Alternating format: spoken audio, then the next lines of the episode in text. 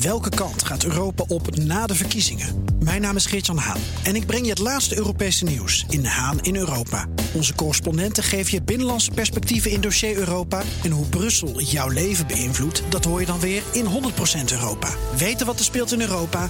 Luister naar de programma's van BNR. The Donald Show. Tijd voor een update uit de United States of Trump. Er zijn nogal wat spanningen over de president bij zijn huiszender Fox News. Correspondent Jan Posma in Washington. Goedemiddag. Ja, goedemiddag Bernhard. We gaan het zo hebben over de spanningen, maar eerst Fox News is toch altijd een Trump-bastion geweest. Dat is het toch nog steeds? Ja, zeker, zeker. We kennen het echt inderdaad als een uh, verlengstuk eigenlijk van de Trump-campagne, van de Trump-regering. En dat is nog steeds zo hoor. Vooral bij die drie uh, best bekeken ja, noem ze maar even opiniemakers van Fox News. Sean Hannity, Tucker Carlson en Laura Ingraham. Uh, hier hoor je bijvoorbeeld Sean Hannity... die aankondigt dat hij het woord impeachment niet langer wil gebruiken. Nee, hij noemt het een coup. Also tonight, we're no longer going to refer to this ongoing political witch hunt. The latest witch hunt on Capitol Hill is any type of real impeachment inquiry. It is not. This is just the latest attempted coup of a duly elected president by we the people. Ja, dus uh, daar hoor je ook wel een beetje de woorden in uh, terug uh, echo die Trump zelf wel eens gebruikt. Dat is geen toeval natuurlijk met Sean ja, Hannity. Of andersom, hè? Met Trump praat. Ja, of andersom. Je weet het ja. eigenlijk niet inderdaad.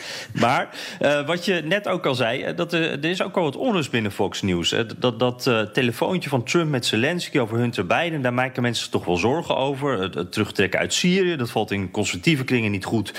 ook bij sommige Fox News medewerkers niet. En Trump zelf natuurlijk nog, hè, die, die de druk echt op Fox opvoert via tweets of, of op campagnerallies. Hij vindt ze eigenlijk te kritisch, vindt ze niet meer zo goed als vroeger. Dat zegt hij ook letterlijk. Hij baalt van hun peilingen.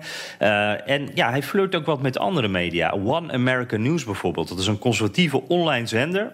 En die retweet hij dan zo af en toe om even Fox News onder druk te zetten. En dat merken ze daar dus wel. Ja, ja. Even, even die Sean Hannity verdient 33 miljoen dollar, Jan. nou goed. Ja. ja, hij doet wat die, goed. Ja, ja, de spanningen, we lezen erover. Maar zie je het ook voor de camera? Ja, ja, en dat is bijvoorbeeld bij die uh, zo goed verdienende Sean Hannity... die dus uh, regelmatig met uh, Trump belt. Um, ja, dit, dit, is aan het einde, wat ik je wil laten horen... het einde van Hannity's programma. En Laura Ingraham, die staat dan... het is een soort splitscreen, ze praten dan even met elkaar on-air... over de onderwerpen van het volgende programma. Nou, en als je dan het gezicht van die Ingraham kon, kon zien... ja, er gebeurt namelijk dit... Hannity, fantastic show, and Thank we are right, can ready I lodge to go. a complaint? Yeah. Am I allowed? Yeah, sure. Okay. So I'm watching the rest of the president's speech in New Mexico last night. I wanted to see the ending. you cut to your debate early, and I want it was just at the end. Sorry. I loved watching your show too. Is but that I the White see... House speaking, or is that you? No, that's Sean Hannity speaking. I went down to watch the I rest of couldn't it. tell. Ja, dat is wel een hele mooie. Uh, Graham echt naar het gezicht ja. ijzig. En dan zegt ze dus inderdaad, hoor ik nou jou of is dit het Witte Huis? Ik, ik hoor ja. het verschil niet meer. En uh, zo uh, zijn er meer voorbeelden. Tucker Carlson bijvoorbeeld, die maakte on-air ruzie met uh, Shep Smith. dat is een van de ja, mensen van de, de journalistieke kant van Fox News, zeg maar. En die is nu na 20 jaar Fox News opgestapt. Die heeft ontslag genomen. Ja. Trump, Trump flirt met andere conservatieve media, maar Fox News blijft toch het belangrijkste voor Trump. Ja, ja het, het, is nog steeds verreweg de best bekeken nieuwszender van Amerika. Ik, ik zat ook nog even te, checken hoe dat nou precies zit. Naar Fox kijken op dit moment nog steeds gemiddeld net zoveel mensen als naar MSNBC en CNN gecombineerd. Dat zijn de nummer 2 en 3. Nou, die drie opiniemakers die ik net noemde, uh, waaronder Hannity, dat zijn de drie best bekeken nieuwsprogramma's van Amerika. Uh, Trump heeft natuurlijk zijn tweets, maar zijn kiezers die zitten niet allemaal op Twitter. Die kijken allemaal Fox.